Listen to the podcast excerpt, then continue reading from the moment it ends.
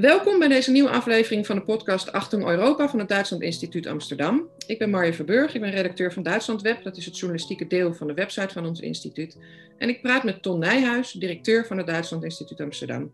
Um, we hebben het de vorige keer uitgebreid gehad over de rol van Duitsland in Europa en uh, hoe die eventueel zal veranderen na het vertrek van, van, van Merkel. Wat we van Duitsland kunnen verwachten de komende periode. Um, we spreken nu met elkaar ook over de rol van de coronacrisis uh, in Duitsland. En uh, over de, de, gevolgen van de coronacrisis op de Nederlands-Duitse betrekkingen.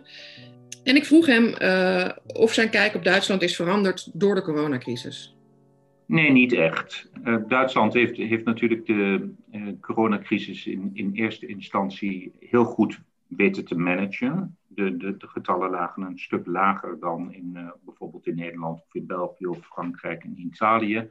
De besmettingscijfers en, de, en de aantallen doden bedoel je nu?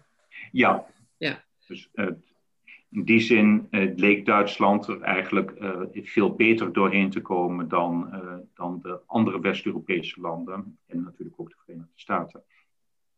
En er was in zekere zin een, een, een, ook wel een euforie van kijk eens hoe wij dit eh, kunnen managen in, in Duitsland.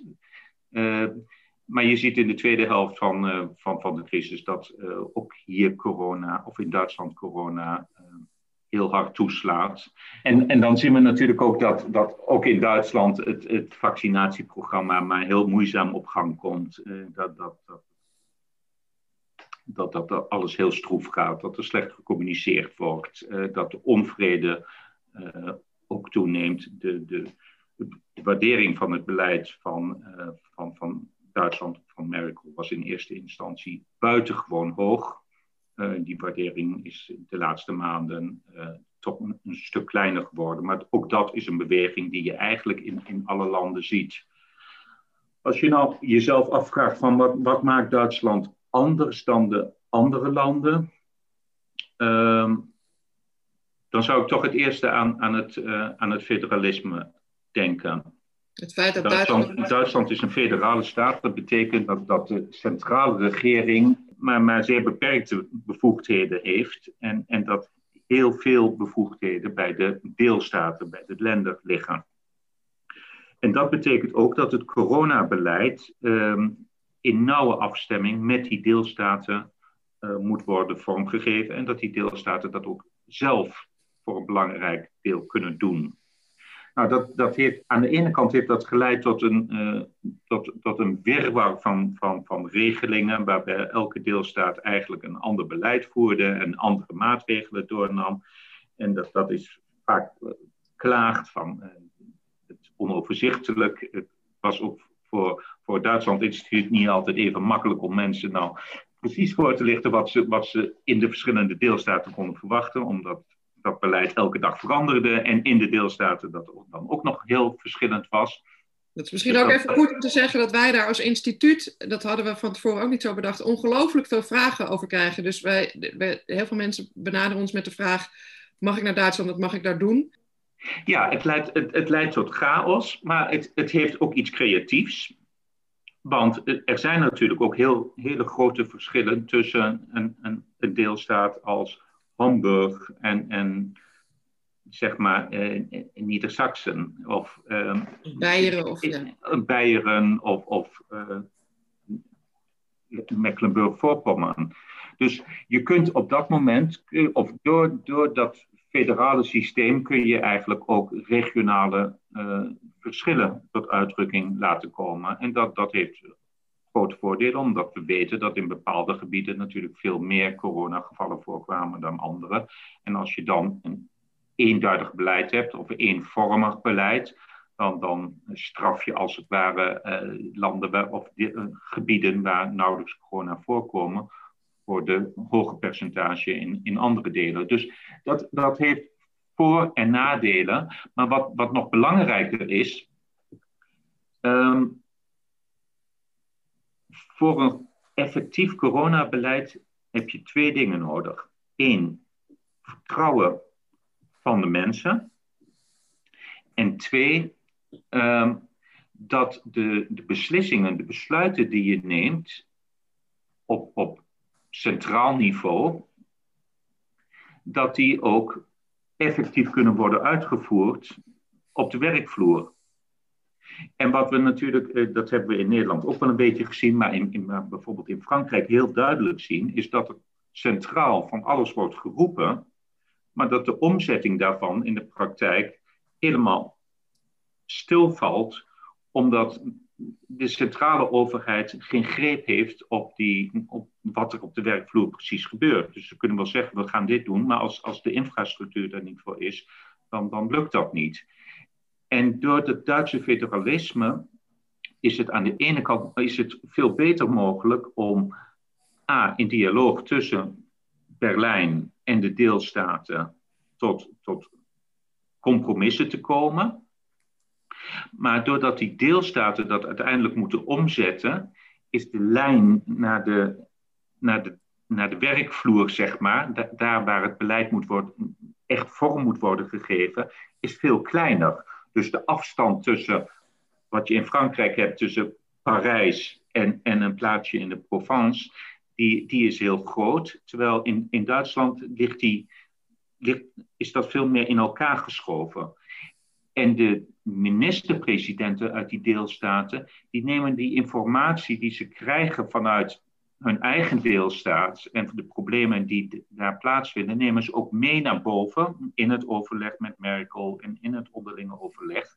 Waardoor ook de mensen op de werkvloer zich beter gehoord voelen dan in een strikt centralistische staat. Dus ja, het leidt tot een enorme chaos en het is niet te volgen welk land nou precies wat doet en, en welke regels nou daar gelden. Maar voor de omzetting van beleid in, in een praktische, uh, op, op, op de werkvloer, zeg maar. Werkbaar. Uh, ja. Ja, dus voor, voor, voor, dat, dat, dat het beleid ook kan worden omgezet in, in, in, in handelingen. Ja. In, dat als je de, de, in Nederland bijvoorbeeld de GGD's aanstuurt om, om te gaan uh, inenten, dat ze ook de infrastructuur hebben om dat te doen. En dat ze niet zeggen van, hé, hey, maar wacht eens even, daar zijn we nog helemaal niet klaar voor. Dus je wilt, je wilt die aansturing, die, wil je, die lijnen wil je kort houden en dat kan in het federalisme beter. En de mensen, uh, of, en de mensen voelen zich ook meer gehoord, waardoor ze ook beter gemotiveerd zijn om daaraan mee te werken. Want als je het gevoel hebt, dit wordt allemaal van, van bovenaf opgelegd en, en wij kunnen dat helemaal niet, dan gooi je allerlei instituties en, en, en gooi je ook een beetje de kont tegen een krip en, en dan wordt de omzetting van beleid nog, wordt nog een stuk ingewikkelder. Dus eigenlijk denk ik dat het federalisme uh, uiteindelijk in Duitsland een, een, een, positief effect heeft gehad, ondanks het feit dat het zo uh, chaotisch overkomt. En ook is. En, en, en ook op de acceptatie bij de bevolking, want um, um, ook in Duitsland hebben we natuurlijk echt wel veel coronaprotest gezien, uh, deels ook dan weer gekaapt door, door rechts, rechtsextremisten. Maar ook gewoon heel veel mensen die, die het daar niet mee eens zijn. Of denk je dat, die, dat die, dat federalisme ook voor betere acceptatie heeft gezorgd van het beleid? Ja, ik denk, ik denk wel degelijk dat dat voor een betere acceptatie heeft gezorgd. Als je kijkt naar de, uh, naar de acceptatiecijfers in Duitsland, zeker in, in, tot aan de, zeg maar tot eind zomer, uh, dan, dan lagen die bij, bij 75 à 80 procent. Dat er een, uh, vooral in, in de oostelijke deelstaten rechtspopulisten of rechtsextremisten dit thema hebben gekaapt. En, en natuurlijk een deel van, van, de mensen is, is ontevreden. Maar eh, daar op een luidruchtige manier aandacht voor heeft gevraagd. Ja, dat, dat, dat is zo. Maar als je kijkt naar, het naar de algemene tevredenheid met, van het beleid, uh, of over het beleid, dan, dan is dat een stuk hoger dan in de meeste andere landen. Ja, en als we kijken naar, naar uh, de betrekkingen tussen Nederland en Duitsland het afgelopen jaar, hoe die door corona zijn veranderd, natuurlijk, nou ja, wat, wat wij in ons dagelijks werk meemaken, bovendien ook persoonlijk, is dat we niet zomaar naar Duitsland kunnen en dat allerlei andere mensen dat ook niet kunnen. En uh, uh, nou ja, dat heeft natuurlijk een enorme impact. Um, we hebben natuurlijk ook een aantal keer gezien dat minister-president Rutte uh, bij persconferenties eraan refereert dat hij contact heeft met Merkel. We weten dat Rutte ook regelmatig met Armin Laschet, de minister-president van Noord-Rijn-Westfalen, overlegt. Er is ook Benelux-overleg. Dus er zijn vrij intensieve contacten.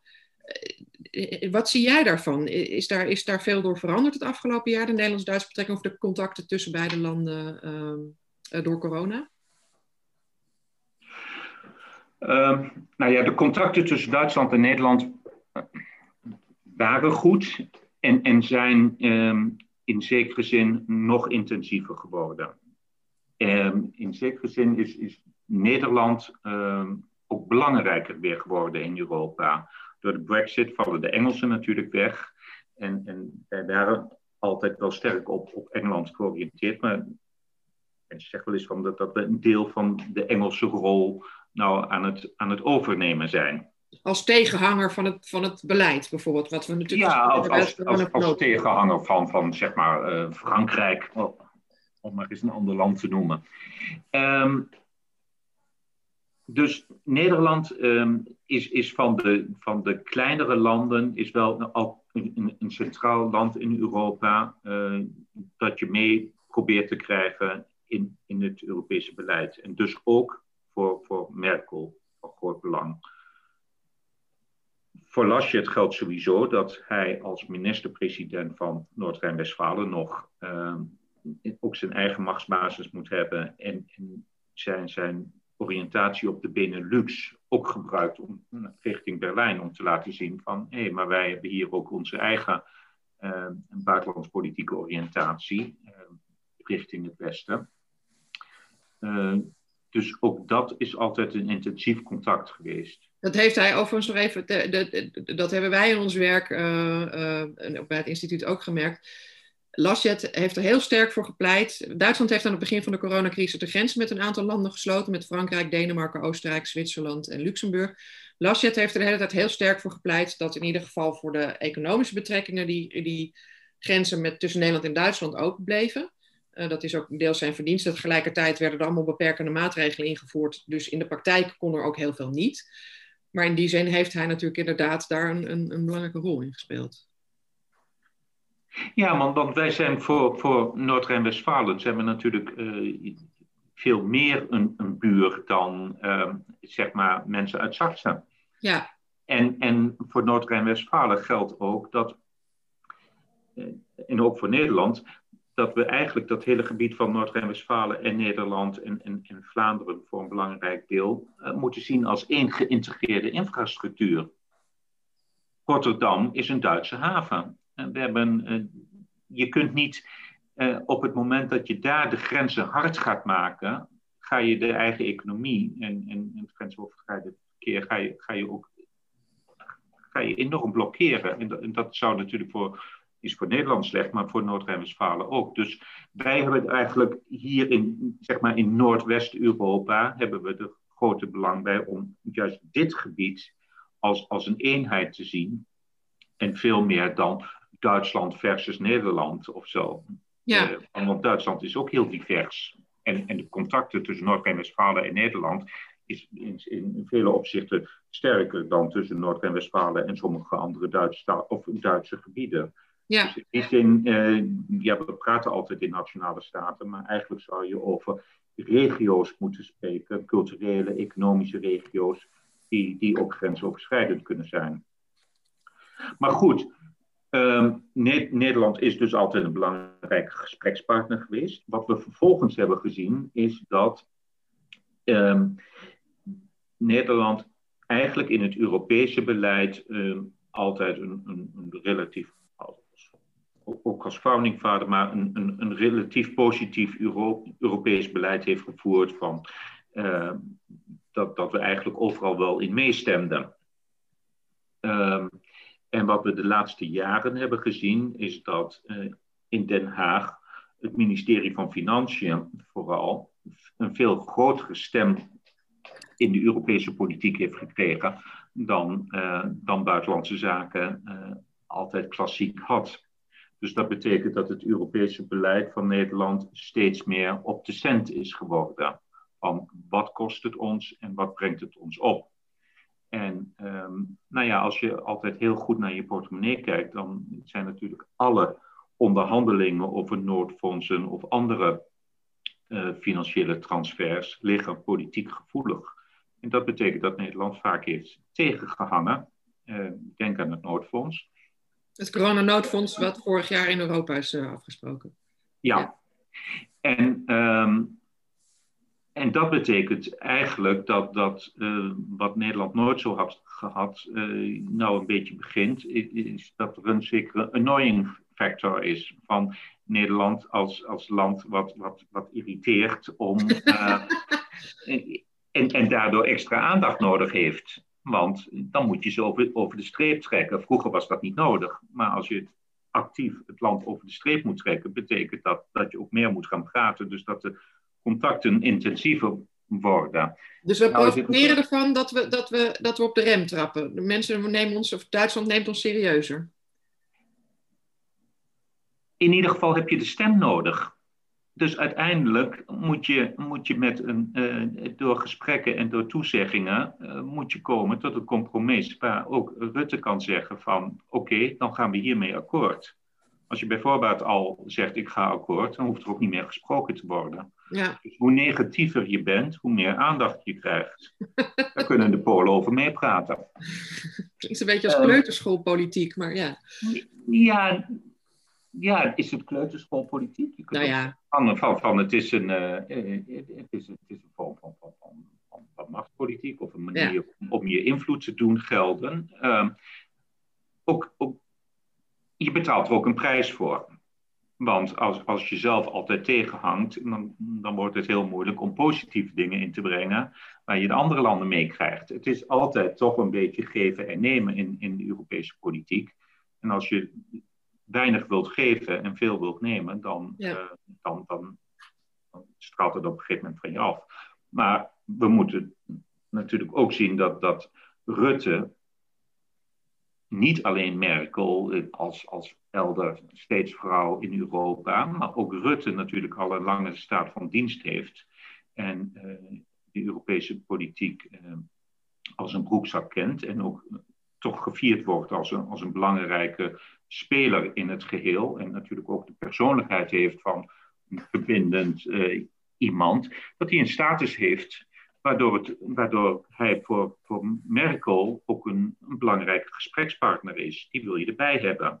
Ja. En, en, en heeft ook gewicht in het uh, geheel. Dus in die zin is, is, is het voor Duitsland, is, is Nederland een belangrijkere gesprekspartner geworden. En dat Rutte en vaak wat tegenhangt en, en, en wat zuiniger is uh, dan Duitsland, dat moet dat moet je ook niet allemaal helemaal negatief zien. Want eigenlijk is Duitsland het qua idee over de Europese financiering best wel vaak met Nederland eens. Alleen zij moeten een politieke afweging maken van wat is de politieke prijs die we moeten betalen als we echt de hand op de knip houden. En die politieke afweging die Duitsland maakt, die maken wij minder. Wij maken meer een, een financiële afweging. Maar het netto-effect van Duitsland is wel dat wij dus aan de ene kant toch blijven aandringen op zeg maar prudente huishouding, wat de Duitsers goed vinden. Tegelijkertijd Duitsland zichzelf kan verkopen als het land wat uh, met het compromis kan kopen en enigszins vrijgevig is. En, en Duitsland heeft natuurlijk steeds, denk aan de, de eerste financiële crisis, het trauma van uh, toen ze zeiden van we gaan de Grieken niet helpen, dat Merkel met, uh, met Hitlersnorretjes uh, overal werd afgebeeld. In Duitsland de boeman was van, van Europa. En nu wordt Duitsland gevierd als het land wat Europa toch weer steeds weet te redden. En, en, en, en zijn wij Ja, dus in die zin is het voor het image van Duitsland heel goed dat, dat Nederland deze politiek voert. Dat, dat wij de boemanrol op ons hebben. Ja. ja. ja. Maar wat we natuurlijk wel moeten bedenken is dat uh, contacten tussen twee landen is meer dan alleen contact tussen uh, Merkel en Rutte. Of tussen Rutte en, en Armin Laschet. Um, die contacten blijven wel doorlopen over Zoom en over allerlei andere media. Maar Duitsland en Nederland waren natuurlijk ook, of zijn, zijn ook buurlanden waar politici, ambtenaren en dergelijke ook veel bij elkaar over de vloer gingen. Er kwamen heel veel Duitse politici naar Den Haag. In de grensstreek kwamen heel veel mensen uit, uit Noord-Rijn-Westfalen of Nieder-Saxen uh, komen over de grens om daar met elkaar te praten. En dat, uh, dat, dat soort persoonlijke contacten zijn natuurlijk heel belangrijk voor, om, om elkaar beter te begrijpen, vertrouwen te creëren, samen informeel uh, eens dingen te kunnen bespreken, om later nog weer eens een keer op formeel niveau daar, uh, daar echt over te onderhandelen. Op het moment dat, dat die, dat soort contacten niet meer mogelijk zijn en we eigenlijk alleen nog maar via telefoon of Zoom of e-mail met elkaar praten, dan moet je veel sterker een, een, een, reden hebben van ik zit nu met een probleem en daarom wil ik nu een afspraak met u maken. Ja. En dat, dat remt toch. Ik bedoel, dat doe je dan weer niet zo snel. In, in de normale tijden is het natuurlijk zo dat uh, politici en dergelijke, die, die komen dan naar Den Haag of gaan naar, Berlijn en, en, en nodigen mensen, collega's uit om uh, samen een keer te lunchen, samen te ontbijten.